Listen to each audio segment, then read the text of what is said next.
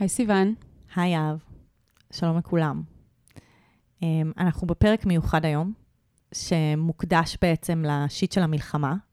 אם האזנתם עד עכשיו, אז אה, שחררנו פשוט אה, פרקים שהקלטנו לפני המלחמה, עם איזה disclaimer, כזה שתדעו את זה מראש.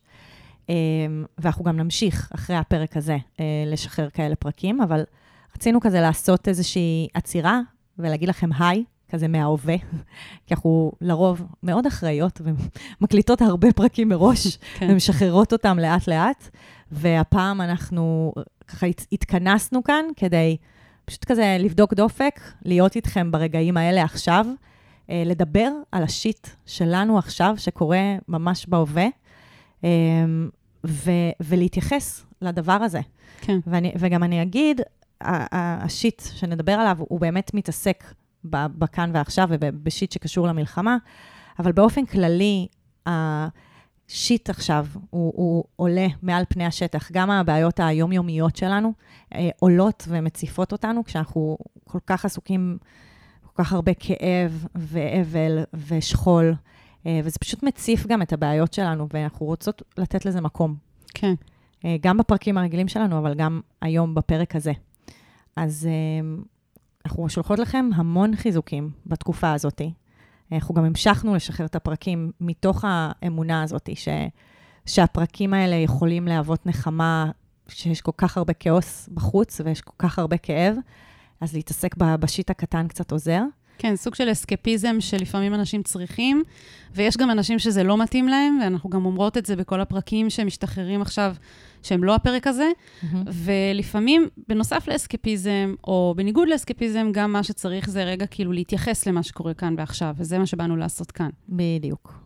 וחוץ מזה, אם אתם פעם ראשונה נתקלים בפודקאסט הזה, מאזינים חדשים, אז שלום, נעים להכיר, אנחנו שיט של אחרים, עצות לחיים עצמם. מה שאנחנו עושות זה, אתם כותבים לנו באנונימיות על הבעיות שלכם, על השיט שלכם, על הסוגיות בחייכם, ומבקשים עצה, ואנחנו משתדלות לתת עצה כאן בפרקים, אה, ואמפתיה וחיבוק, וככה גם היום. נכון. אז נתחיל? נתחיל. אני ממש צריך עצה.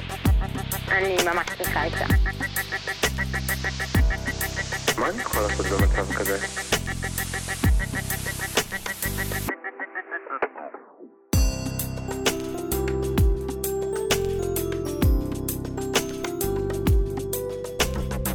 שיט של אחרים.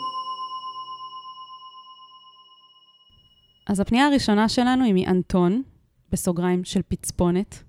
זוכרת את פצפונת ואנטון? כן, ברור. זה היה חמוד. נכון. בן 25. הוא כותב לנו, זה שיט של מלחמה, אבל גם של אקסים. החברה הכי טובה של אקסיט שלי נהרגה במלחמה. מאז שנפרדנו, הכרתי את אשתי ואני נשוי באושר. היא לא בזוגיות. בתרבות שאני מגיע ממנה, יש מי שמייצר חברויות בין מגדריות ויש מי שלא, וגם יש אקסים שנשארים חברים ויש כאלה שלא. לי יש הרבה חברות בנות. גם האקסית שלי וגם אשתי לא חברות של בנים, ואחרי הפרידה, האקסית לא רצתה להישאר בקשר, עם אמירה שאולי בהמשך זה ישתנה. היא אכן הציעה בהמשך לחזור לקשר, אבל לי זה בדיוק היה לא מתאים. בקיצור, חברות של אקסית שלי לא נמצאות כרגע באזור, כנראה עד לסוף המלחמה, ואני יודע שאני יכול לעזור לה עכשיו רגשית, אבל לא בטוח אם כדאי. לאשתי זה מוזר מאוד, והיא לא רוצה שאדבר עם האקסית. ומסתבר שהיא לא מתלהבת מזה שאני מדבר עם בנות בכלל, מה שעלה רק עכשיו. התקשורת שלנו נהדרת, לא ברור איך זה לא עלה לפני כן בשיחות בינינו. אבל היא אומרת שהיא תכבד את מה שאני אחליט. אני מרגיש כלוא. מצד אחד יש בי תחושה חזקה שמה שנכון כרגע הוא להיות שם בשביל האקסית. היא סובלת, ואני יכול לעזור, לא משנה מה היה בינינו לפני כן. מצד שני, אני לא רוצה לעשות משהו שאשתי לא תאהב. ובכל זאת, כשאני חושב על לא לתמוך באקסיט בזמן הזה, אני מרגיש כלוא, כאילו אשתי לוקחת לי את חופש הבחירה. אני יודע שאני זה שבוחר להקשיב לאשתי. אבל איזו ברירה יש לי? לדבר עם האקסיט למרות שאני יודע שאשתי לא אוהבת את זה? זה מרגיש קרוב מדי לבגידה, וזה גבול שאני כמובן לא מוכן לעבור. לדבר עם האקסיט, להגיד לה שאני פה בשבילה? טוב, אז באמת אני אתחיל קודם כל מזה שיש דיבור מאוד חזק על אקסים ומלחמה. נכון. Um, כל כזה, גם הקבוצות כזה, נשים מדברות על זה, כזה, האקס שלי לא שלח לי, הוא כן שלח לי, למה הוא לא שלח לי? כזה ממש איזה חיבור, אני, אני חושבת שקרה לנו דבר כל כך גדול, mm-hmm. עוצמתי, כואב, שזה פשוט מחבר אותנו לכל האנשים בחיים שלנו. כן, אני מוצאת את עצמי הרבה פעמים, כאילו פתאום אומרת לעצמי באמצע היום, רגע, להוא כתבתי, להיא כתבתי, וואי, כאילו ממש. ש... אולי, אולי כאילו הם uh, צריכים משהו, הם צריכים אוזן קשבת, הם צריכים תמיכה, ו... ואז פתאום אני כזה, אוקיי, וואו, את בקשר עם מלא אנשים, כאילו, איך אפשר לפנות לכל האנשים? זה... כן, ו- וזה באמת כאילו מרגיש שפתאום אין, אין זמן ומקום. כאילו אין, כן. הרי אנש, אקסים, אנשים שלא דיברנו איתם שנים, פתאום זה ממש מרגיש הכי הגיוני, לגיטימי, ואולי אפילו דרוש לשלוח להם הודעה. כן, על אחת כמה וכמה, אם אתה יודע שחברה שלה נהרגה במלחמה, שזה בעצם אירוע מאוד מאוד קשה. מאוד קשה, מאוד קשה, אבל, אבל אני אגיד גם באופן כללי, כאילו שנייה לפני מה שהיא מתמודדת איתו, זה פשוט כזה, אנחנו פתאום דואגים לכל האנשים שאנחנו אוהבים אי פעם, וכזה, זה, זה שובר מוסכמות חברתיות של כזה לא לדבר עם אקסים.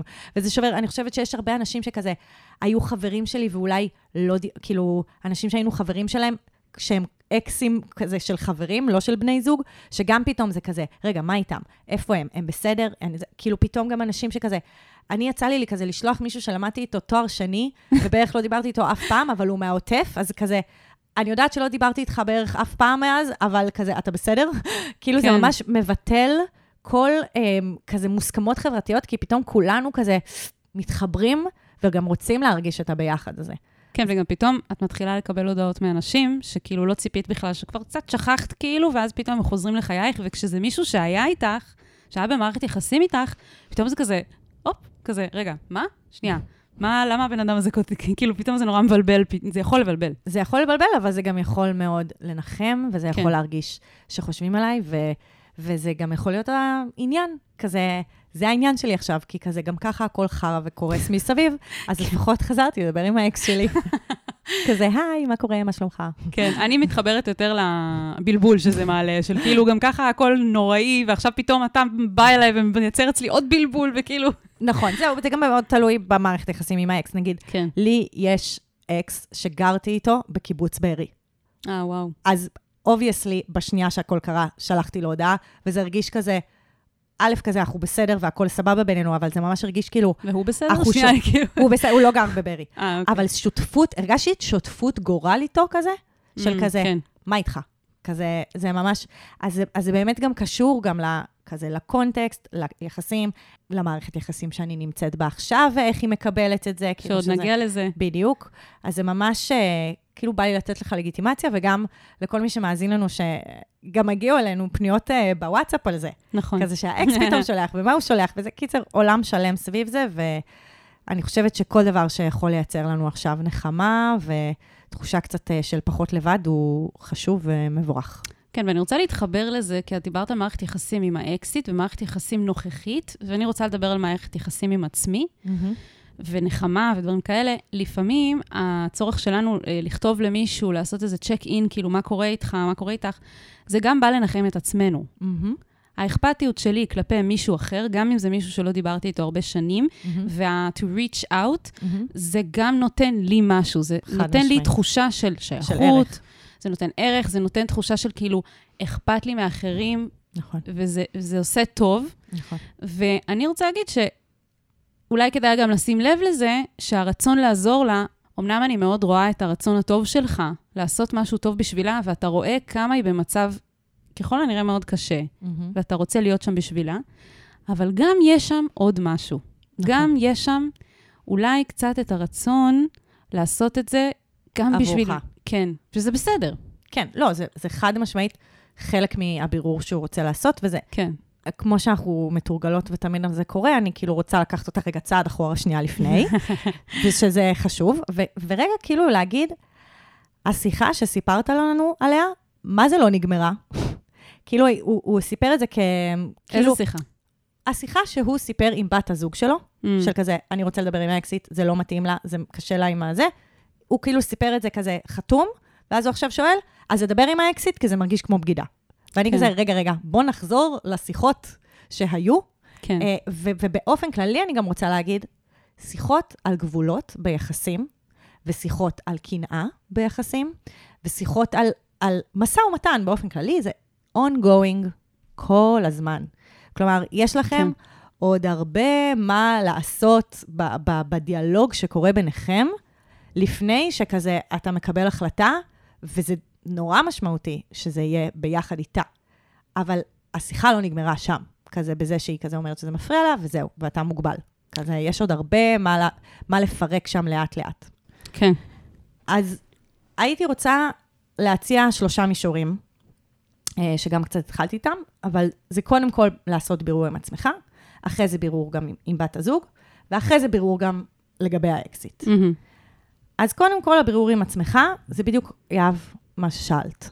כאילו, מה מניע אותי? מה, למה חשוב לך לשמור על קשר עם האקסית? מה היא בשבילך? מה היא עבורך? למה זה חשוב לך? ואם יש לך גם עדיין כלפי הרגשות. ולמה אני אומרת את כל הדברים האלה? כי כשאתה מגיע לדבר עם בת הזוג שלך, זה מאוד חשוב גם להיות מחובר לסיבות האמיתיות. כי יכול להיות שהיא מרגישה שם דברים שאתה לא מרגיש, או שאתה לא בטוח, כאילו אתה לא בקשר עם זה, מה שאתה מרגיש. מהמם. ואז הרגשות של הקנאה שלה מגיעים מהמקום הזה ש, שהיא מרגישה ש, ש, שאתה לא מביא בעצמך. וזה נורא חשוב, ו, וגם, ואין תשובה נכונה או לא נכונה. כאילו, גם אם יש לה עדיין רגשות כלפיה, וגם אם כזה, אתה, כמו שאת אמרת בהתחלה, שאתה כאילו, אתה מרגיש צורך כזה להיות שם, כזה, זה, זה יעזור לך רגשית, כאילו, בתוך זה. כזה, זה, זה, זה הרבה שאלות שמשמעותי שגם תעשה את הבירור בין, בינך לבין עצמך. כן, וגם הסיטואציה הזאת, עם כמה שהיא קשה, והיא בעצם קשורה למשהו נוראי שקרה, יש בה גם קצת ברכה, כי אתה אומר שחשבת שהייתה ביניכם תקשורת יותר פתוחה וכנה, ואז בעצם גילית דרך הסוגיה הזאת, נכון. שאולי יש פה משהו שהוא, אולי בעצם התקשורת היא לא מה שהיא צריכה להיות, ועכשיו זו הזדמנות לפ- לשבת ממש. ולדבר על ממש. התקשורת ביניכם. כלומר, לקחת את זה לרמת המטה. נכון. לפני שמדברים בכלל על, כאילו, איך היא מרגישה לגבי זה שתדבר עם האקסיט או לא, אפשר לדבר על זה של, את שומעת, אני, אני כאילו תפסתי את זה שיש לנו תקשורת ממש טובה, ועכשיו אני מבין שיש משהו שאמרתי. שיש רבדים, לא, שיש רבדים שאני לא מכיר, ואני לא כן, יודע. ש, שבעצם את לא אוהבת איזשהו משהו, זה, זה עושה לך לא טוב, אבל אף פעם לא סיפרת לי את זה. מהמם. ואפשר להתחיל משם. כן. רגע, בואי נדבר על זה של למה, למה, איך קרה שכאילו את לא אוהבת את הדבר הזה, ופתאום עכשיו אני מגלה את זה. כן. לא בקטע אולי מאשים, זהו. אבל... למה זה קצת מאשים? לא, כאילו, לא, לא בקטע כזה, אבל כזה אבל להניח להגיד- את זה. כן, אולי אפילו להגיד, וואו, אני מזהה פה הזדמנות, כמו שאת אומרת. כאילו, אני כן. מזהה פה הזדמנות לתת מקום, וגם זה הכי, זה הכי מתחבר, אגב, לכזה שיט ומלחמה, כי יש משהו עכשיו שקורה באופן כללי בחברה שלנו, שכזה בגלל שיש כל כך קשה הכל, יש לנו קצת יותר לגיטימציה להתעסק עם השיט שלנו. יש לנו קצת יותר לגיטימציה להתעסק בדברים הלא טובים שקורים בחיים שלנו. כי ביום-יום זה כזה, אוקיי, אנחנו ממשיכים, אנחנו במסלול, אנחנו בקצב, אנחנו נעים, וכאילו העולם עצר מלכת, וה, והכל ממש כואב וקשה, ואז פתאום, כאילו, כמו שאמרנו גם בהתחלה, כזה הקושי צף, אבל גם יש יותר לגיטימציה להתעסק בו. וזה גם משהו שקורה עכשיו ביחסים ביניכם. כאילו, פתאום מהמם. יש מקום לדבר על מכאובים ועל דברים שמרגישים לנו לא נעים. כן. יש עוד עניין עם עצמך, שאתה אומר שאתה מרגיש כלוא. שכאילו, אם אתה תלך לפי מה שאשתך תהיה מרוצה, אז אתה תרגיש כלוא. ואם אתה תלך לפי מה שאתה אה, מניח שהאקסיט רוצה, או שיעזור לה, אז אתה אה, בוגד. ואני רוצה להגיד שכאילו, התחושה הזאת, אני מרגישה שהיא כאילו, היא מתחילה בך, הבינאריות הזאת של כזה, אני, אני מרגיש שאני תקוע, כלוא. אני, לא, אני צריך לרצות או את, את, את הצד הזה, או את הצד הזה. ואז בעצם זה מייצר סיטואציה שבן אדם כאילו לא יכול לזוז, כי הוא מרגיש שהוא יוצא מופסד. Mm, מרגיש לא משנה מה הוא. יעשה, הוא יוצא מופסד.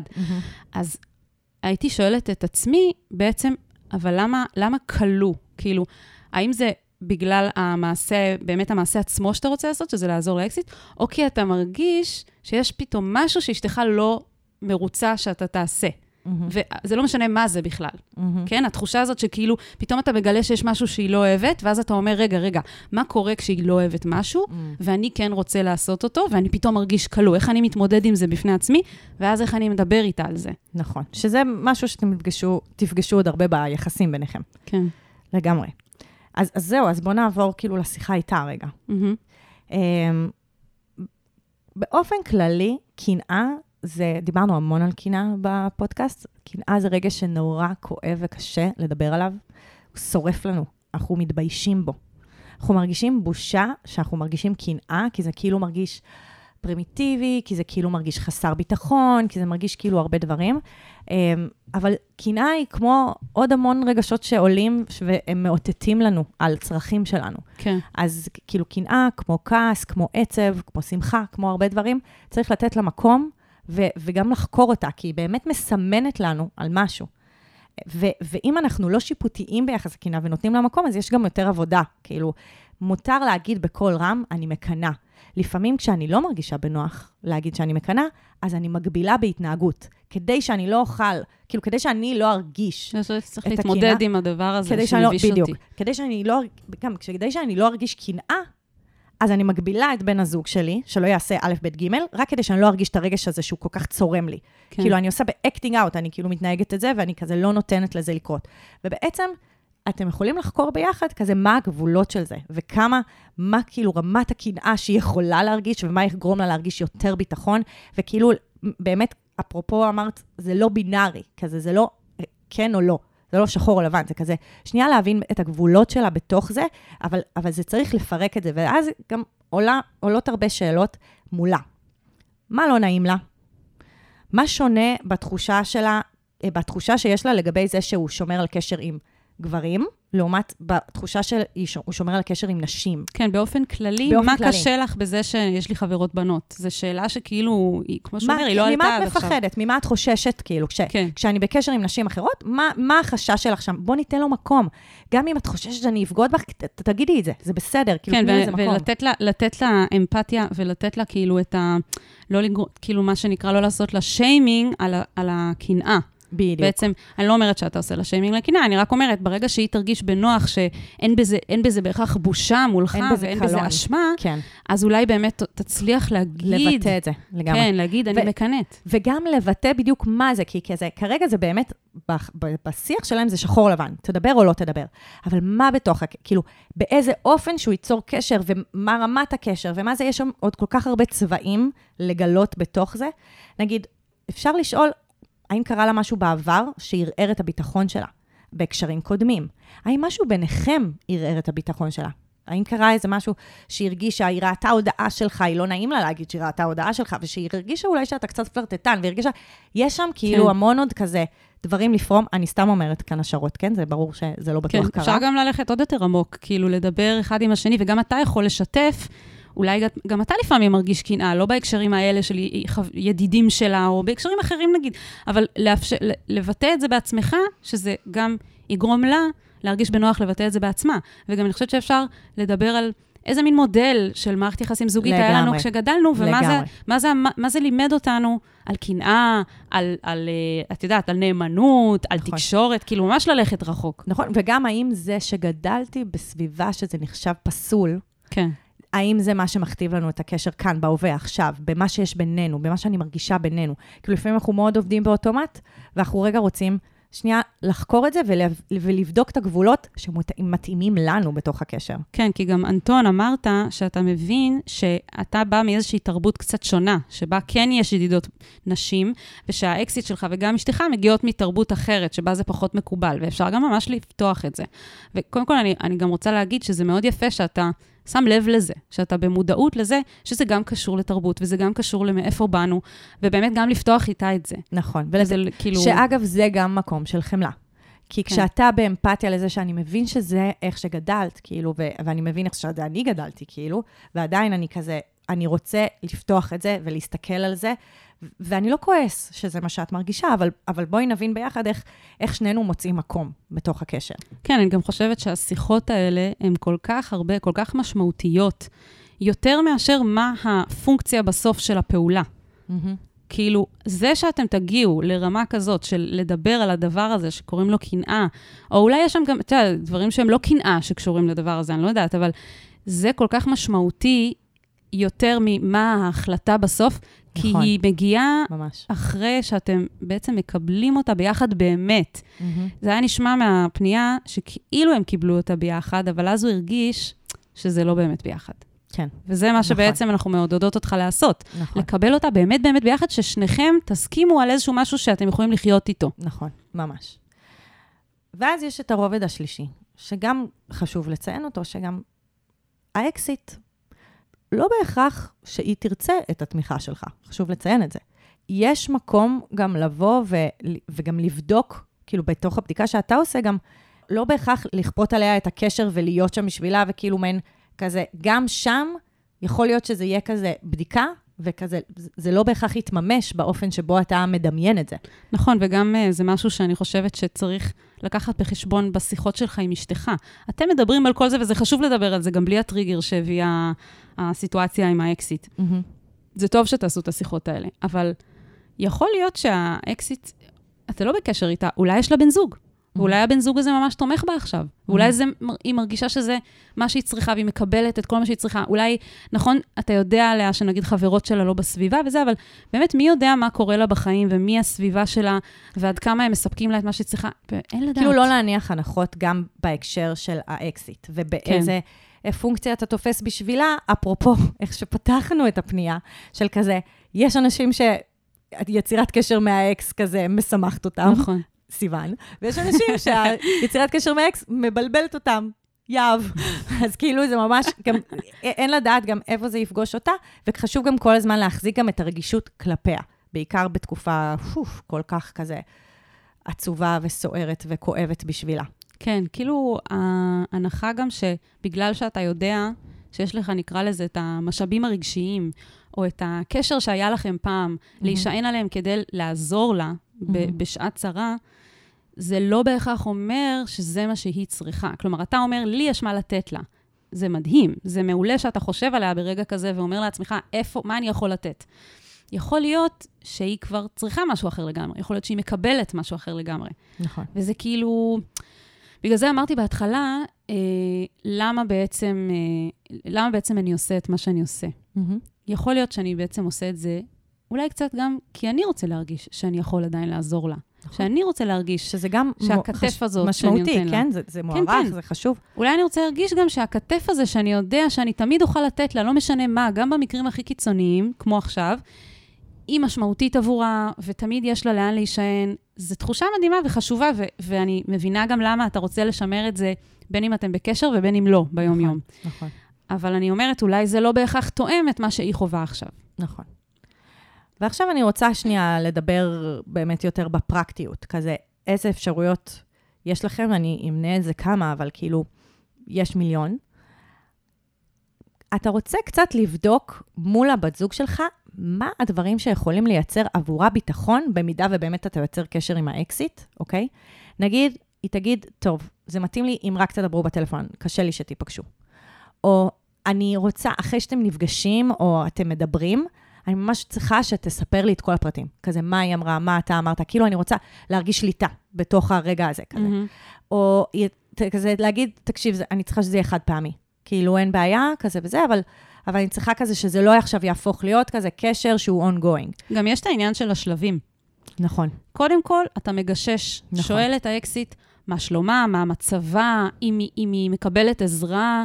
כאילו, קודם כל לראות אם היא בכלל רוצה את זה, וכל פעם להיות בקשר עם אשתך. בדיוק. לעדכן אותה. לחזור, אותה, בדיוק. כן, כל פעם לחזור. אוקיי, גיששתי, ראיתי. היא אומרת שהיא כן מקבלת סיוע, אבל כן, זה יכול להיות לה נחמד להיפגש איתך, או כן, כאילו, תודה שפנית, אבל הכל בסדר, ואז לחזור אליה, וכאילו, אולי זה ירגיע אותה גם. נכון. ואז בעצם, כאילו, גם השיחה ה-ongoing, היא גם נכנסת בעצם גם לתוך הקשר, שאם באמת תיצור בסוף עם האקסיט, היא נכנסת גם לשם. כלומר, הבת זוג שלך תרגיש שהיא כל הזמן מעורבת. היא לא left out, היא לא כן. נשארה מאחור. גם השיחה, כאילו הזאתי שלא נגמרה, היא, היא ממשיכה, ואתם כל הזמן בודקים, ו, וחשוב להגיד, גם אם אתה תבוא ותספר לה והיא תהיה סצנה, כזה, את עושה לי סצנה. כן, כאילו, יכול להיות, תהיה סצנה, כזה, לא ראינה שאמרת לה את זה וזה, וכאילו, אוקיי, אתה שם, אתה לא נוטש, אתה לא עוזב, אתה כזה, אוקיי, אני מבין, זה, זה, זה היה לך קשה, זה חצה לך את הגבול, זה היה לי חשוב. כאילו, אתה עדיין עומד מאחורי מה שאתה אומר, אתם יכולים לעבור את זה, כי זה, זה בסדר שגם יכאב בזוגיות לפעמים, ולא חלילה, אני אומרת כזה, תפגע בה, אל תקשיב לה, אל תזה, אבל גם כשאתה עושה דברים בתוך הקשר ובתוך התשומת לב עליה, ועדיין יהיה לה כאב, כאילו היא תגיד, טוב, בסדר, עם זה אני מרגישה בנוח, ואז בדיעבד היא תגיד, טוב, אני עדיין מקנאה, בסדר, יש מקום לרגשות האלה. בעיקר עכשיו, כזה. כן. ממש לתת מקום לרגשות שלנו, זה אחד הדברים הכי מרפאים שאנחנו יכולים לעשות עבורנו בתקופה הזאת. כן. יש גם עוד משהו שרציתי להגיד לגבי לברר עם עצמך מה אתה רוצה מהדבר הזה.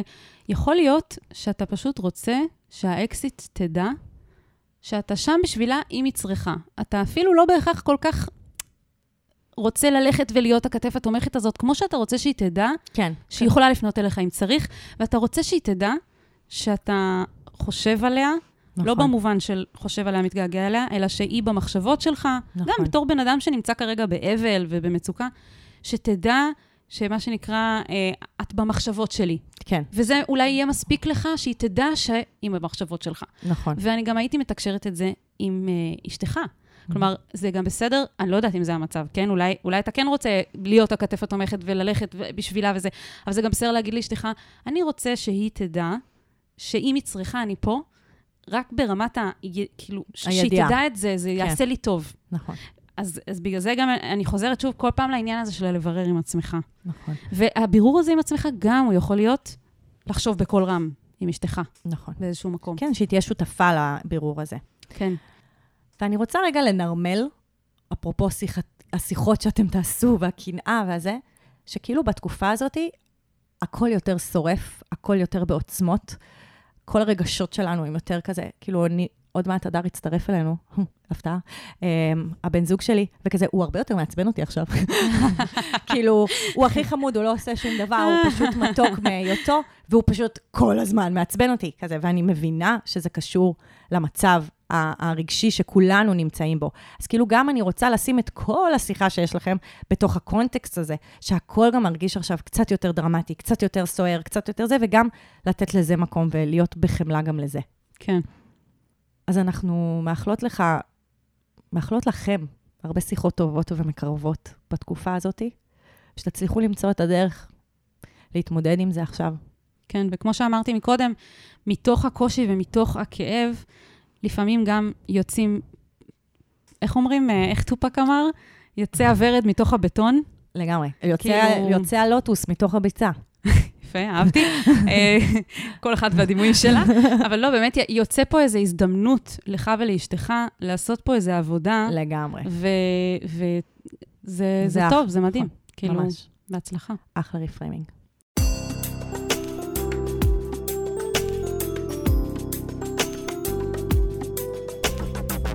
שיט של אחרים.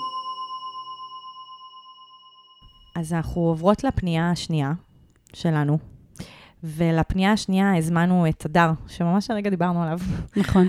אה, שהצטרף אלינו כדי לענות, והסיבה שהזמנו את הדר, בן הזוג שלי, סיוון, זה כי הוא פסיכיאטר, והפנייה הבאה מתעסקת קצת בהגדרות פסיכיאטריות, והרגשנו שנכון שהוא יבוא קצת לעשות לנו סדר ולנרמל, ובאופן כללי, הדר הוא איכות שמרגיעה את כולנו.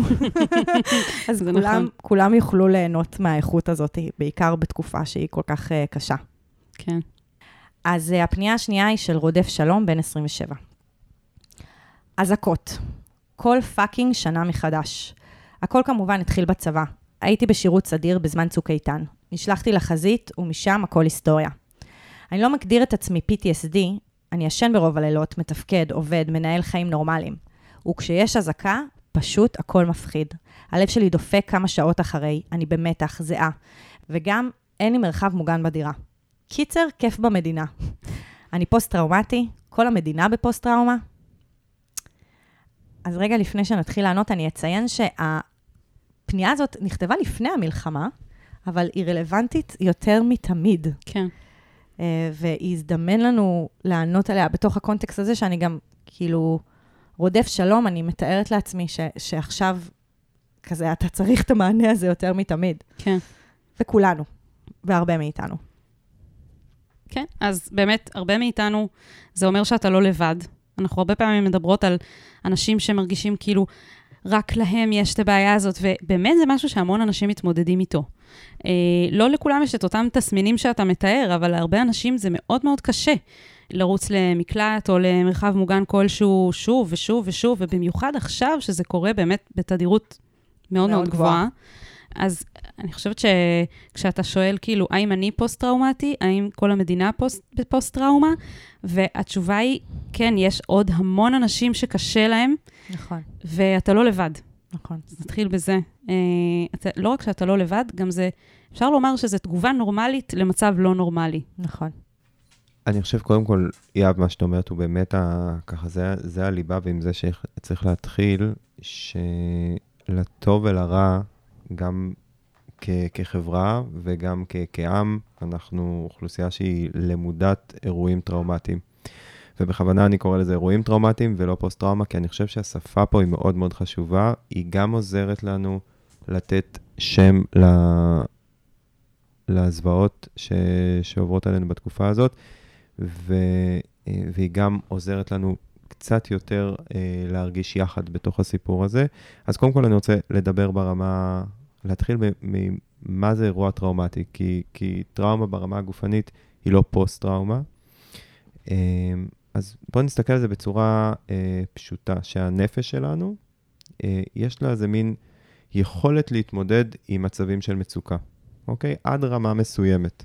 אוקיי, אם אנחנו תמיד נותנים את הדוגמאות של, ה, של הג'ונגל, שכאילו כ, כחיה, ומי שמכיר את כל המערכת של ה-fight, flight, freeze, או המערכת האוטונומית, זאת אומרת שאנחנו כ, כיצור חי נמצאים בסטרס, המערכת שלנו עושה התאמות והיא מגיבה. אוקיי? והיא לרוב מגיבה לאחד משלוש דרכים, או שהיא נלחמת, או שהיא נמנעת, או שהיא קופאת, זה לא משנה, ברמה העמוקה היא יודעת להתמודד. ואנחנו יודעים את זה גם לאורך ההיסטוריה, שבני אדם יודעים לשרוד דברים מאוד מאוד קשים. אבל, להבדיל מכמו שאומרים, מה שלא הורג מחשל, זה לא כל כך נכון בחיי הנפש, כי יש איזה רגע, והרגע הזה הוא שונה אצל כל אחד, וזה ממש, כמעט אפשר להסתכל על זה מתמטי. יש רגע שזה יותר מדי סטרס על המערכת, או יותר מדי סטרס ברגע מסוים, או יותר מדי סטרס לאורך זמן, או יותר מדי סטרס בתקופות מסוימות בהתפתחות, בגיל שלנו. ואז האירוע הזה הוא נהיה אירוע שבמקום לעבור עיבוד, כלומר הופך להיות זיכרון, הוא נשאר חי בגוף, אוקיי? עכשיו, תחשבו על כמו שמשהו שקרה לנו בהווה, הוא לא מצליח להפוך להיות זיכרון, אז הוא ממשיך לחיות כאילו בהווה. זו בעצם ההשפעה של טראומה עלינו. ואז איך זה מתבטא? זה יכול להיות בגוף, אנחנו יכולים להיות מכווצים, זה יכול להיות ברגש, אנחנו יכולים להיות יותר קצרים, או יותר עצובים, או יותר כועסים, זה יכול להיות במחשבות. מחשבות של אשמה, מחשבות של ביקורת עצמית, והדבר הזה, כשאנחנו חושבים על, על טיפול בטראומה או טיפול בפוסט-טראומה, ותכף נגיד משהו על ההגדרה, אנחנו לא מדברים על זה שאנחנו נחשוב שאירוע מזעזע שקרה לנו, או אירוע קשה שקרה לנו, הוא בעצם לא כזה נורא, אלא אנחנו מצליחים להפריד בין משהו שקרה בעבר, והוא פחות מנהל אותנו בהווה. ואני חושב שהחוויה הזאת של אזעקה, שרודף שלום מתאר, זו דוגמה מאוד טובה למשהו שאפשר להקל על האופן שבו הוא מעצב את החיים שלנו בהווה, ולעזור. לא לשכוח, במיוחד שאנחנו חיים בארץ, שאזעקות זה משהו שלצערנו עדיין מלווה אותנו. רגע, אני רק רוצה להבין, מה שעכשיו הגדרת שממשיך לחיות, הזיכרון הוא חי, זה טראומה או פוסט-טראומה? זו טראומה. זו טראומה. זו טראומה, אוקיי. ואני, מתי אני... זה הופך להיות פוסט-טראומה? מעולה. אז אני רק אארוז את הדבר הזה, כי זה חשוב להגיד. הנפש שלנו יודעת להתמודד עם אירועים טראומטיים, אירועי דחק, עד רמה מסוימת, אוקיי? אנחנו יודעים להגיד שהמספרים הם קצת משתנים, אבל ב-100 אנשים שיעברו אירוע שהוא טראומטי, בוא נגיד איפשהו סביב ה-10%, אולי אפילו פחות, יפתחו תסמינים שיכולים להגיע לכדי PTSD. PTSD, Post-Traumatic Stress Disorder, Disorder, אוקיי? שמה זה אומר?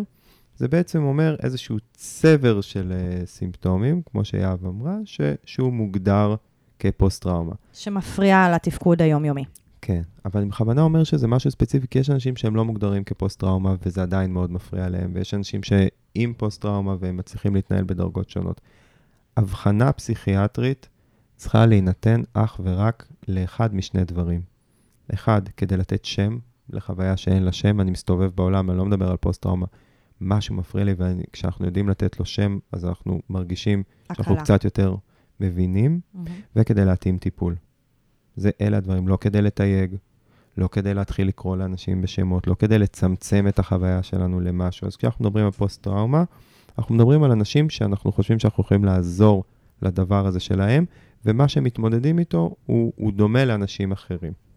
אז פוסט-טראומה ברמה של ההגדרה צריך להיות איזשהו אירוע שבו היה חשש ממשי לשלמות הגוף שלנו, או לאנשים שקרובים לנו, או שהיינו עדים לו באופן ישיר, וזה לא, אנחנו לא מדברים על צפייה בסרטונים, או על שמועות, או דברים כאלה, זה משהו שאנחנו ראינו מישהו קרוב, או שמענו שמישהו קרוב לנו קרה לו, או שהיינו בקו הראשון של העזרה לאנשים שנפגעו. כוחות הביטחון, כוחות uh, רפואה, כוחות חילוץ.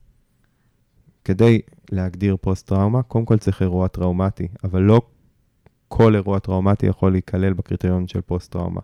אירוע טראומטי זה אירוע שאיים על שלמות הגוף שלנו או של אנשים שיקרים לנו, או ששמענו שזה קרה, או שהיינו כוחות ביטחון או בריאות או חילוץ, זאת אומרת שהיינו קו ראשון לאירוע. זה קודם כל. אז אחרי שאנחנו מדברים על אירוע טראומטי מהסוג הזה, שהוא באמת קרוב אלינו, לאנשים שיקרים לנו, צריכים להתקיים ארבעה קריטריונים. אוקיי? ואפשר לחשוב על זה לא באיזה משהו של לשנן, אלא לחשוב על ההיגיון. הקריטריון הראשון מדבר על איזושהי תגובה שכאילו האירוע הטראומטי רודף אחרינו. אז מה זה אומר?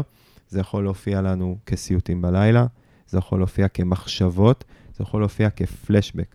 פלשבק שזה לא שאנחנו פתאום נזכרים באירוע שקרה, זה אנחנו ממש חיים אותו כאילו נמצא כאן בהווה. אז אנחנו צריכים להרגיש כאילו האירוע שקרה בעבר הוא רודף אחרינו, והקריטריון השני הוא שאנחנו מנסים להימנע מהאירוע. עכשיו תחשבו על זה, כל הזמן משהו רודף אחריי, ואני כל הזמן נמנע מדברים שמזכירים לי את האירוע. אז האירוע רודף אחריי, נניח אם uh, אנחנו לוקחים למשל אירוע שקרה לי כשהייתי חייל, אז אני מפסיק uh, ללכת למילואים, ואחר כך אני מפסיק לפגוש את החברים שלי מהצבא, ואחר כך אני מפסיק לראות סרטונים על הצבא. זאת אומרת, יש תנועה הפוכה. האירוע רודף אחריי, ואני מצמצם את החיים שלי יותר ויותר כדי להימנע מדברים שיזכירו לי את האירוע. אז זו התנועה של שני הקריטריונים הראשונים. אחר כך אה, הקריטריון השלישי זה איזושהי השפעה על אה, המצב הרגשי שלי. אז אנחנו נהיים יותר אה, עצבניים, יותר התפרצויות זעם, אובדן של איזה מין יכולת להרגיש, והחלק האחרון מתייחס לקוגניציה שלי. אוקיי, אז זה מחשבות שליליות על העולם. תפיסות שליליות על עצמי, אשמה הרבה פעמים מופיעה, איזה מין משהו מיואש על החיים, אז תחשבו שזה כאילו תופס אותנו בכל הרבדים של מה זה אומר להיות בן אדם, גם ברמה של הגוף, גם ברמה של הרגשות, גם ברמה של המחשבות, וגם אפילו בשינה ובאיזה מין דברים שאנחנו לא שולטים עליהם. החדשות הטובות, אוקיי, זה שיש לנו אה, הרבה ידע, לצערנו הרב, בגלל המרחב שאנחנו חיים בו, על מה יכול לעזור להתמודד עם פוסט-טראומה. אוקיי? אה, וכאן הייתי רוצה רגע לזוז, כי כמו שרודף שלום. שלום אומר, מה שהוא סובל ממנו זה לא פוסט-טראומה, וכל המדינה לא סובלת מפוסט-טראומה, כמו שאמרנו, אבל בהחלט אנחנו יודעים הרבה על איך להתמודד עם אירוע טראומטי ברמה של טיפול. אני רוצה רגע לשאול אבל, mm-hmm. הוא אומר, הלב שלי דופק כמה שעות אחרי. כן. אני מרגישה שזו השפעה מאוד uh, חריפה על היום-יום של בן אדם, אם נגיד בממוצע פעם ביום, פעמיים ביום יש אזעקה, כמה שעות אחרי עדיין הלב שלו דופק. כן, זה כן פגיעה בתפקוד. מה עם זה? וגם אני נגיד חושבת, אוקיי, זו תקופה שהיא הרבה יותר דלוקה כזאת, אז אני, אני מדמיינת לפעמים אזעקות, או שכזה רעש של אופנוע כזה מקפיץ אותי, אוקיי? אבל זה קשור כזה לתקופה שאני נמצאת בה עכשיו. כזה, אני ביום-יום, זה לא מנהל אותי. עכשיו השאלה, כאילו, הוא מתאר כאילו שזה סביב הזמן הזה, אבל זה נשמע מאוד קיצוני. יש, מש, יש מושג שמדברים עליו הרבה עכשיו, סביב עבודה עם אוכלוסיות שנחשפו לטראומה בהיקף כזה, שנקרא היררכיית סבל. שלצערנו אנחנו מכירים במקומות אחרים, שיש איזה מין דירוג של מי הכי סובל. זאת אומרת, אם אמרתי חלילה שרודף שלום לא עונה על הקריטריון של פוסט-טראומה, אבל רגע, תראו מה הוא מגיב, זה מתח, זה זהה שעוד... יש מספיק, לצערנו הרב, ואני חוזר על זה כל הזמן, כי יש מספיק סבל לכולם באזור. אמ, והטיפול הוא נכון לגבי כל מי שסובל, ובגלל זה התחלתי מאירוע טראומטי לפני ההגדרה. כל מי שחווה אירוע שהיה גדול על המערכת באותו הרגע, להעביר אותה לעבר, והוא ממשיך לנהל אותו בהווה, הטיפולים, העקרונות שלהם אותם טיפולים, ולכן זה נכון גם לפוסט-טראומה וגם לרודף שלום, אוקיי? ואני רוצה לדבר משני, כאילו משתי זוויות, זווית אחת, שתי זוויות, על איך ניגשים ל- לעבודה עם טראומה. קודם כל, צריך שיהיה אותנו, אוקיי? אם אין לנו אותנו, לפעמים קוראים לזה חלון העוררות, לפעמים קוראים לזה קרקוע, משאבים, אבל כדי שאני אצליח להעביר משהו שקרה בעבר לעבר, אני צריך להיות מסוגל להיות בהווה, אוקיי? זאת אומרת, אני צריך להיות מסוגל להרגיש את הגוף שלי, להרגיש מה אני מרגיש, להרגיש מה אני חושב, ומכאן כל הדיבור של, בטח ששמעתם הרבה בתקופה הזאת, טכניקות קרקוע, טכניקות ויסות, משאבים, כל מה שזה... תן לנו אותן. אוקיי, אז בגדול, זה טכניקות, זה כלים שיחסית בקלות כל אחד יכול ללמוד ולמצוא מה עובד לו. אתה כאילו מציע לרודף שלום, כשמתחילה אזעקה, כאילו להשתמש בטכניקות האלה. אני- או באופן כללי, כזה לאנשים אני אומר בתקופה הזאת. שעבודה עם טראומה, אי אפשר בכלל להתקרב, זה בכלל לא עבודה טיפולית או זה. אם אין לנו את עצמנו, אנחנו לא יכולים לגעת במשהו, כי זה כאילו מין פרדוקס. אם, אם היינו יכולים להתמודד עם זה, אז היינו יכולים. אז כרגע אנחנו צריכים כאילו אה, לשכלל משהו ביכולת שלנו לשאת את, ה, את החוויה הזאת שהיא לא נוחה.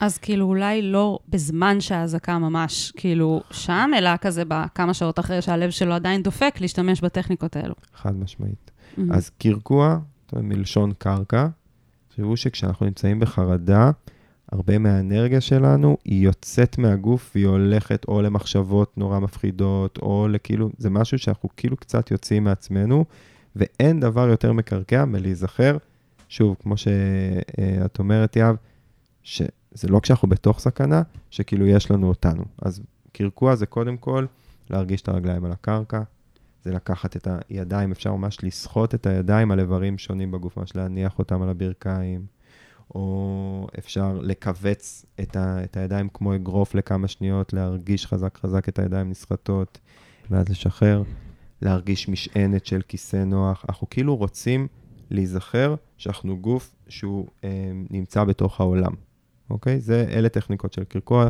אפשר למצוא, לשים כישורים וללמוד אותן די בקלות. ויסות, זה כאילו, אה, זה טכניקות שהמטרה שלהן היא להחזיר את המערכת שיצאה לדופק מהיר, למחשבות שרצות קדימה, נשימה שהופכת להיות מהירה ושטחית. כל הדבר הזה, אנחנו רוצים לאט-לאט להחזיר אותו למשהו שהוא יותר אה, רגוע, אולי, אוקיי? אז אפשר לעשות עבודה עם נשימה, למי שזה נוח לו, אז יש כל מיני טכניקות של נשימה, נניח, בעיקרון כל הטכניקות עובדות על הרעיון שכשאנחנו מעריכים את הנשיפה, את האקספיריו, את ההוצאה את החוצה. הוצאת האוויר, כשהוצאת האוויר היא ארוכה יותר מבדרך כלל, אנחנו מפעילים אזורים במוח שאחראים על רגיעה, מהמם. אוקיי? מבלי להיכנס לזה יותר מדי. אז יש נשימות 4-4, שזה בעצם אומר 4 שניות שאיפה, 4, שעות נש... 4 שניות נשיפה. אפשר לעשות פשוט שאיפה ונשיפה ארוכה יותר מהשאיפה. יש כל מיני טכניקות כאלה, צריך לראות שזה לא הופך אצלנו לסטרס. זה צריך להיות משהו שהוא, אפשר לנשום כמו כאילו נושמים לתוך קשית. אני אהבתי את מה שלימדו אותנו בצלילה חופשית, את הצ... כן. של לקחת, אה, לקחת אה, נשימה לבטן ולא לחזה, ואז להוציא את האוויר לאט, לאט, לאט, לאט, ב... ו... שעושים סאונד של. ומוציאים כאילו הכל, את כל מה שיש, ואז ככה שלוש פעמים, ואז זה מפעיל את הדבר הזה, ש... וגוס, כן, עצב הווגוס, נכון. הופה.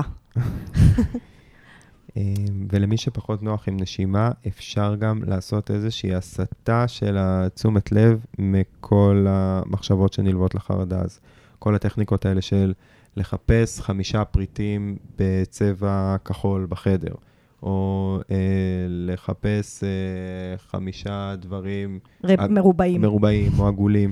כאילו בעצם אנחנו מס- נותנים לתודעה אה, להתעסק במשהו שהוא קצת פחות מפעיל. מפעיל.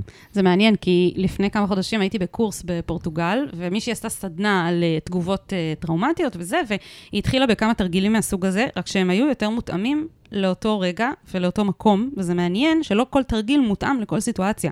שם היה להם קטע שהם אמרו, אוקיי, תסתכלו מסביב ממש לאט, תנסו באמת להסתכל על כל דבר במרחב, ולשים לב שיש פתחי יציאה. אפשר לצאת, אתם לא סגורים פה. והייתה מישהי שהייתה איתי בקורס, שיש לה גם מאוד טראומה מאזעקות, היא, היא מגיבה לזה, מאוד קשה לה, ואז היא אמרה לי איזה יום אחד, היא אמרה, אבל אני לא צריכה לדעת שיש פתח יציאה ואפשר להימלט, להפך, אני צריכה לדעת שסגור. אני צריכה, אני צריכה mm. את התחושה ש, שהכל סגור והכל אטום, ואני בטוחה פה בתוך המרחב הזה. Mm. וזה היה מאוד מעניין לראות את ההבדל בין מה שהיא צריכה, תרגיל שהיא צריכה כדי להרגיש בטוחה, לבין תרגיל שאולי אנשים אחרים עם טראומה אחרת צריכים. Mm, יפה. כן, באופן כללי, כל הנושא של כלים, אם זה לא מחובר להבנה שמה שאנחנו עושים זה להחזיר איזו תחושה של שליטה, אז אנחנו קצת מאבדים את הפואנטה. כי אם אני רק תלוי באיזה טכניקה שלימדו אותי, אבל היא לא עובדת לי, אז זה יכול להפוך להיות עוד משהו שמלחיץ אותי יותר. נכון. אוי אוי, זה לא עובד, אני נושם, אז זה היפרוונטילציה, כאילו... כן. זה בעצם להחזיר לעצמנו, אנשים שמתמודדים עם השפעות של חוויות טראומטיות או פוסט-טראומה בטוח, יש המון תחושה של חוסר שליטה.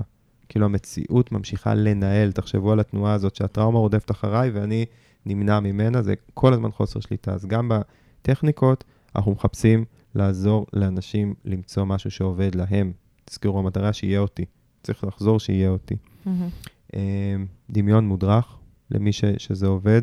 הרבה פעמים דמיון מודרך זה משהו שאנחנו צריכים ממש למצוא שעובד לנו, כדי נכון. שזה... מרחב בטוח שעובד לנו. נכון. אה, ובאופן כללי, קשר מאוד מאוד מקרקע. זאת אומרת, אם אתם נמצאים ליד בן אדם שנמצא בסטרס, שהוא כאילו כתוצאה ממשהו טראומטי, אז קודם כל מאוד חשוב שתבדקו שאתם לא מלחיצים עוד יותר. זאת אומרת, אם אין אתכם, אז אל תנסו גם, כאילו, זה כמו שמישהו נרגע, ואתה אומר, אה, תירגע, אבל אתה לא רגוע, זה לא, זה לא אמיתי. אבל להיצמד לדברים פשוטים. אני איתך. הנה, בוא תחזיק לי את היד. תלחץ את היד שלי הכי חזק שאתה יכול. אתה בחדר. זה עוד מעט יעבור. דיברנו על זה, כאילו מסרים. וגם הרבה פעמים כשאנחנו נמצאים עם אנשים ב... שזקוקים לכזה, לעזרה או תמיכה, אז יוצא ממנו איזה קול רך כזה, כאילו עדין, אני איתך. לא, אנרגיה של טראומה, זה כאילו, צריכה... אני, החזקה. זה לא להשתלט, אבל נוכחות בטוחה. כאילו, ממש להיות שם. דגש יפה. כן.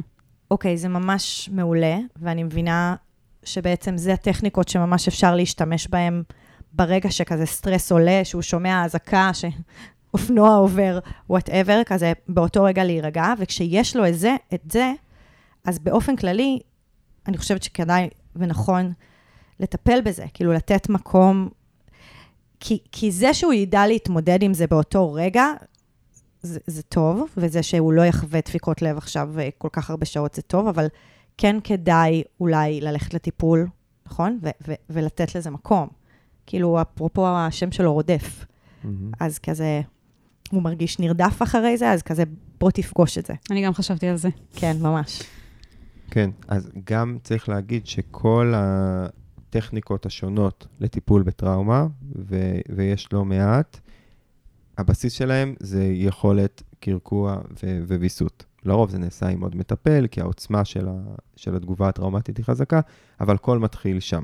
ואם יש לנו את עצמנו ברמה כזו או אחרת, והגענו לטיפול, אז לרוב מה שיקרה שם זה במקום לברוח, במקום שהאירוע ינהל אותנו, ירדוף אחרינו ואנחנו בורחים ממנו, אנחנו מפנים אליו את המבט באומץ ומנסים לפגוש אותו בביסים קטנים. לפעמים קוראים לזה פנדולציה, לפעמים קוראים לזה חשיפה מדורגת. חשיפה, כן. כן, אבל... ה... תגיד, מה זה פנדולציה? אוקיי, פנדולציה זו מטוטלת, ותחשבו, לפעמים uh, מתארים את זה גם uh, כאילו כתנועה כמו של אינסוף, תנועה של uh, שמונה כזאת, mm-hmm. כי כאילו מה שאתה עושה, זה תחשבו, אתה אוגר כוחות, אתה יושב, אתה מקורקע, ואז אתה נותן ביס קטן בטראומה. מה זה אומר? אתה יושב בחדר רחוק מאוד מהזקה, ואז המטפל ידבר איתך על אזעקה. אתה לרגע עובר לקצה השני. אוקיי, ואתה מצליח להכיל, להכניס קצת מזה, וברגע שאתה יוצא למקום שהוא קצת חרדתי, אתה חוזר למשאבים. Mm. ואז אתה נותן ביס וחוזר, ואתה מלמד את המערכת שהאירוע הזה הוא כבר עבר. הוא כבר קצת פחות מנהל אותך, אתה עושה למידה חדשה. באופן כללי חשוב להגיד, במערכת העצבים אנחנו לא שוכחים, אנחנו יכולים ללמד עוד דברים. כאילו, אתה אומר, אתה בעצם מכוות את עצמך מחדש, איך להבין את האירוע כמשהו שחולף וחוזר, וחולף וחוזר. שזה אומר שכשהוא בא, הוא חולף. אני דווקא יותר מבינה את זה, וגם אני יותר אוהבת את המטאפורה הזאת של צלילות. כאילו, באיזשהו מקום, החוויה של האובדן שליטה, כשאתה נכנס לתוך השיח על הטראומה וה, והדיבור עליה, וזה מעורר אותך, אז זה מרגיש כזה שאין יציאה, כאילו שאתה תקוע מתחת למים. והתנועה בטיפול היא לצלול, Mm. להגיע לרמה של, אוקיי, זהו, עכשיו אני לא, אני, אני לא, אפילו לא מגיעה לקצה שלי, אני, יש לי עוד מספיק חמצן, אני יוצא, אני ממלא משאבים, ואז אני נכנס פנימה שוב, וזה כאילו החשיפה ההדרגתית. Mm. כלומר, אני כל פעם נושא מספיק, מה שיש לי מספיק כוחות בשבילו. ואז אני לאט לאט מתרגל לשאת את, ה, את המחשבה על אזעקה, אחרי זה לשאת את, ה, את הסאונד של, של אזעקה, אחרי זה לשאת את זה שבכלל, שיש אזעקה בפועל, שהיא אמיתית, כאילו, ולא אה, רק הסאונד שלה כדי להדגים.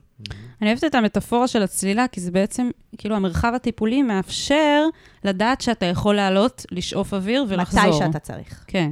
כן. זה- שם, במרחב הזה, ואז אתה מתרגל את זה, כדי שאולי גם במרחב הלא טיפולי, בחיי היום-יום, תצליח גם to activate את הדבר הזה של לעלות, לשאוף אוויר. לגמרי, מעניין. וגם, וגם אתה בעצם מרחיב את ה...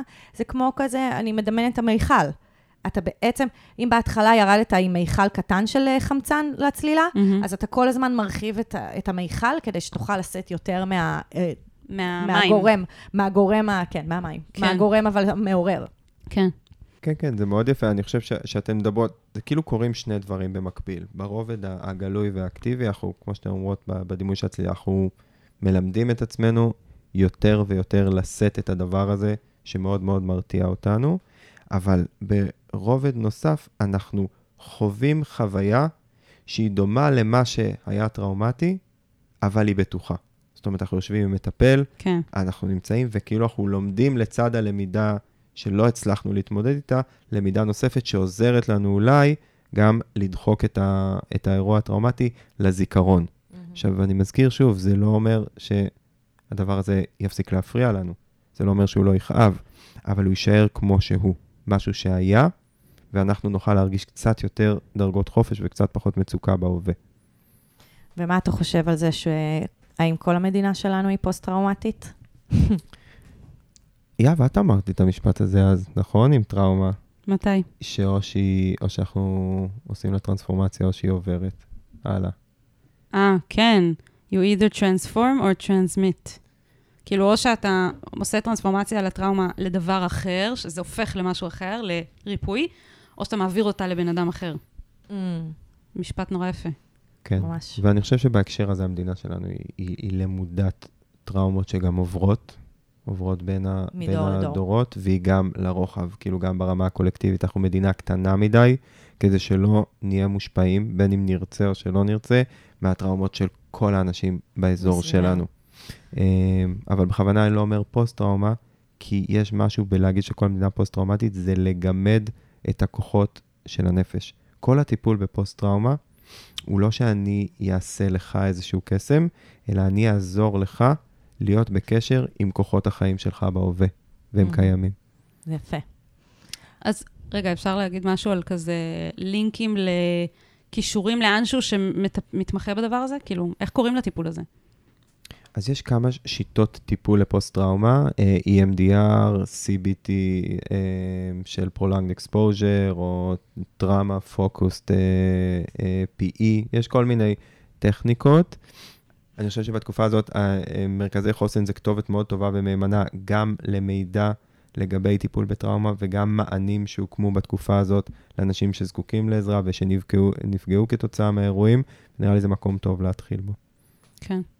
ואני חושבת שסיימנו בטיפול, בהמלצות לטיפול, בהסבר על, על איזה, מה קורה בטיפול כשנוגעים בטראומה, אה, ממקום ש... כאילו, אני רוצה להגיד לך, אתה לא צריך להמשיך לסבול. ואחד הדברים הכי מדהימים בטיפול, זה שהוא יכול להבריא אותנו, והוא יכול לגי... לחבר אותנו לכוחות הנפשיים שלנו. ו- ואני חושבת שזה גם מסר באופן כללי לכל מי שמאזין לנו היום. אה, שכזה, אנחנו עוברים עכשיו דברים ממש ממש קשים, אבל בהכל אפשר לטפל. וזה יכול לתת לנו המון תקווה עם כל מה שאנחנו עוברים עכשיו, שזה ואנחנו יותר מזה, אנחנו, אנחנו יכולים גם לצמוח מזה. כלומר, אני מהמם. חושבת שכשאתה פוגש את זה עכשיו בעוצמה, אה, והאזעקות פתאום מפעילות את זה, כלומר, אתה אומר, אני ביום-יום ממש כזה מתפקד וישן והכל טוב, אבל אז כשמגיעות האזעקות, אז כאילו זה ממש משתק אותי, אז יש פה איזושהי קריאה כזאת של, אוקיי, אז אולי זו באמת הזדמנות, זה נותן לך איזה פתח, קצת כמו מה שדיברנו בפנייה הקודמת, עם הקנאה, וה, כאילו זה, זה, זה מפגיש עכשיו, הקושי מפגיש אתכם עם היכולת לעשות איזושהי עבודה עם, עם, עם עצמך. כאילו בעצם את אומרת, גם אם פתאום עכשיו היה מגיע איזה נס והכל היה בסדר ולעולם לא נחווה שוב אזעקות במדינה הזאת, עדיין יש את הדבר הזה שחווית שנשאר לא מטופל, ואת אומרת, זאת ההזדמנות לטפל בזה. לתת לזה מקום. Mm, כן, יפה. ממש. אני גם רוצה להמליץ אה, על פודקאסט שקוראים לו מענה הולם, והוא פודקאסט שמוקדש כולו לפוסט-טראומה. וואלה. ומגישים אותו שני אנשים שיש להם פוסט-טראומה, והם מדברים על כל מיני אה, מקרים שונים, ואני פגשתי אחד מהם, ואני מרגישה שבשבילו זה ממש ריפוי לדבר על זה, ולהיות עם זה ביחד. ולדבר על זה עם החבר שלו, שגם לו יש פוסט-טראומה, ואז לדבר עם כל מיני אנשים, על כל מיני מקרים אחרים, מראיינים אנשים, דברים כאלה. זה מדהים, ואני ממליצה לכולם, גם מי שלא מאובחן, כן. אה, אני חושבת שזה ממש יכול לעזור, נשים לינק. מדהים. והתחלנו ונסיים עם האמירה הזאת, שהתקופה הזאת מעלה את השיט מעל פני השטח, מעל פני האדמה, וזו הזדמנות עבור כולנו לטפל. בכלל, אני חושבת שטיפול הפך להיות כל כך לגיטימי. אנחנו אה, מטיפות ל- אה, ללכת לטיפול כבר אה, שלוש שנים בפודקאסט, אבל פתאום השיח אה, בכל מקום זה כזה, האם הלכת לטיפול, תלך לטיפול, יש הנגשה של טיפול, יש פתאום, כאילו זה מה הופך להיות... לחפש בתוך הטיפול? ממש, איזה סוג טיפול? ממש. זה כאילו ממש, אה, ו- ואני חושבת שזה, שזה כיוון טוב, כי זה, זה, זה באמת הכיוון של בחירה בחיים, ו, וב, וביכולת להירפא. כן, וזה שאתה פנית אלינו, כמו שאנחנו אומרות הרבה, זה כבר הצעד הראשון והמאוד מאוד משמעותי. אז נכון. תודה. תודה שפנית אלינו, וגם, כמובן, תודה שנתת לנו הזדמנות לדבר על זה. כי, ממש. כי כמו שאמרנו, באמת הרבה אנשים חווים קושי סביב הדבר הזה, ו, ו, וזו הזדמנות לבוא ולדבר על זה, ולא לא להדחיק את זה, ו, ולא שכל אחד יהיה עם זה לבד. נכון. אז תודה. ממש תודה. תודה לשני הפונים שלנו היום, שנתנו לנו הזדמנות uh, כזה לגעת במצב עכשיו, כמו שהוא כאן, בהווה. כן, אה, והיה כיף לפגוש אתכם, המאזינים, עכשיו, בהווה, כן, ומשבוע הבא נחזור לפרקים שהקלטנו לפני המלחמה. כן. ותודה להדר שהצטרפת אלינו ונתת לנו מחוכמתך. תודה שהזמנתם אותי. סיוון, ספרי לנו מה צריך לעשות בן אדם שרוצה לפנות אלינו ולקבל עצה. אז ממש כאן, בתיאור הפרק, תוכלו למצוא לינק לטופס אנונימי, שם תוכלו לכתוב לנו על השיט שלכם. בנוסף, אתם מוזמנים לעקוב אחרינו גם בקבוצת הפייסבוק שלנו, שיט של אחרים, עצות לחיים עצמם, וגם באינסטגרם שלנו, שיט של אחרים, או other people shit. Um, וכמובן, לדרג את הפרק הזה חמישה כוכבים, או לשלוח אותו לאנשים שאתם חושבים שהוא יכול לסייע ולעזור להם. ואנחנו נמשיך uh, להשתמע ולהיות איתכם. משבוע לשבוע. כן, שולחות לכם הרבה אהבה. וחיבוקים. יאללה ביי. ביי. אני ממש צריך את ה... אני ממש צריכה את ה... מה אני יכול לעשות במצב כזה?